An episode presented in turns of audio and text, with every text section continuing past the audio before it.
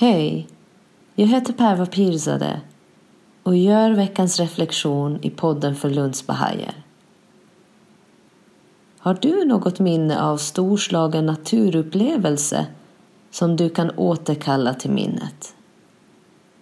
En känsla av att vara ett med naturen?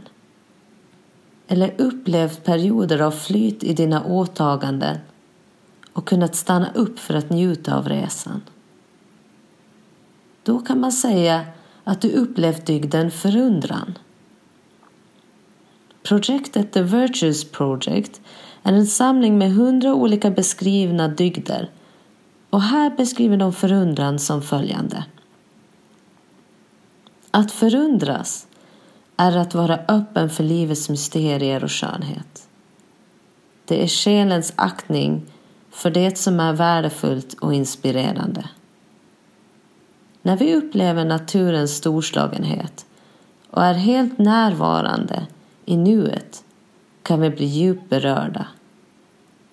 När vi lever reflekterande glädjer vi oss åt tecken och under som sker i våra liv.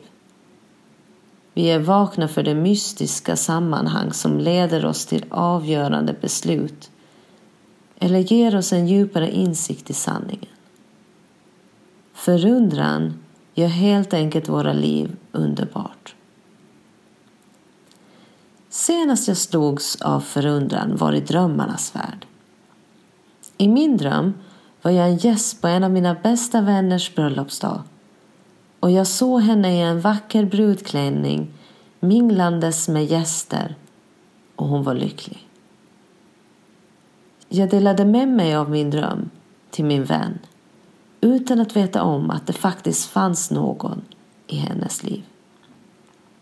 Vi blev båda berörda och slogs av förundran. Efter detta drömde jag liknande dröm två gånger till. Den senaste dagen innan hennes bröllopsdag. Drömmar är för mig en källa av förundran. Tänk, man kan vara var som helst, när som helst och vem som helst kan dyka upp i våra drömmar utan att vi ens lämnat vår säng. Att det dessutom kan finnas sanning i drömmar är ännu mer förunderligt. Att vi har förmåga att känna himmelska känslor som till exempel förundran är för mig ett gudstecken och ett själens språk. Gud har skapat oss människor och har nedlagt i sin skapelse en själ som fungerar som en kanal mellan Gud själv och sin skapelse.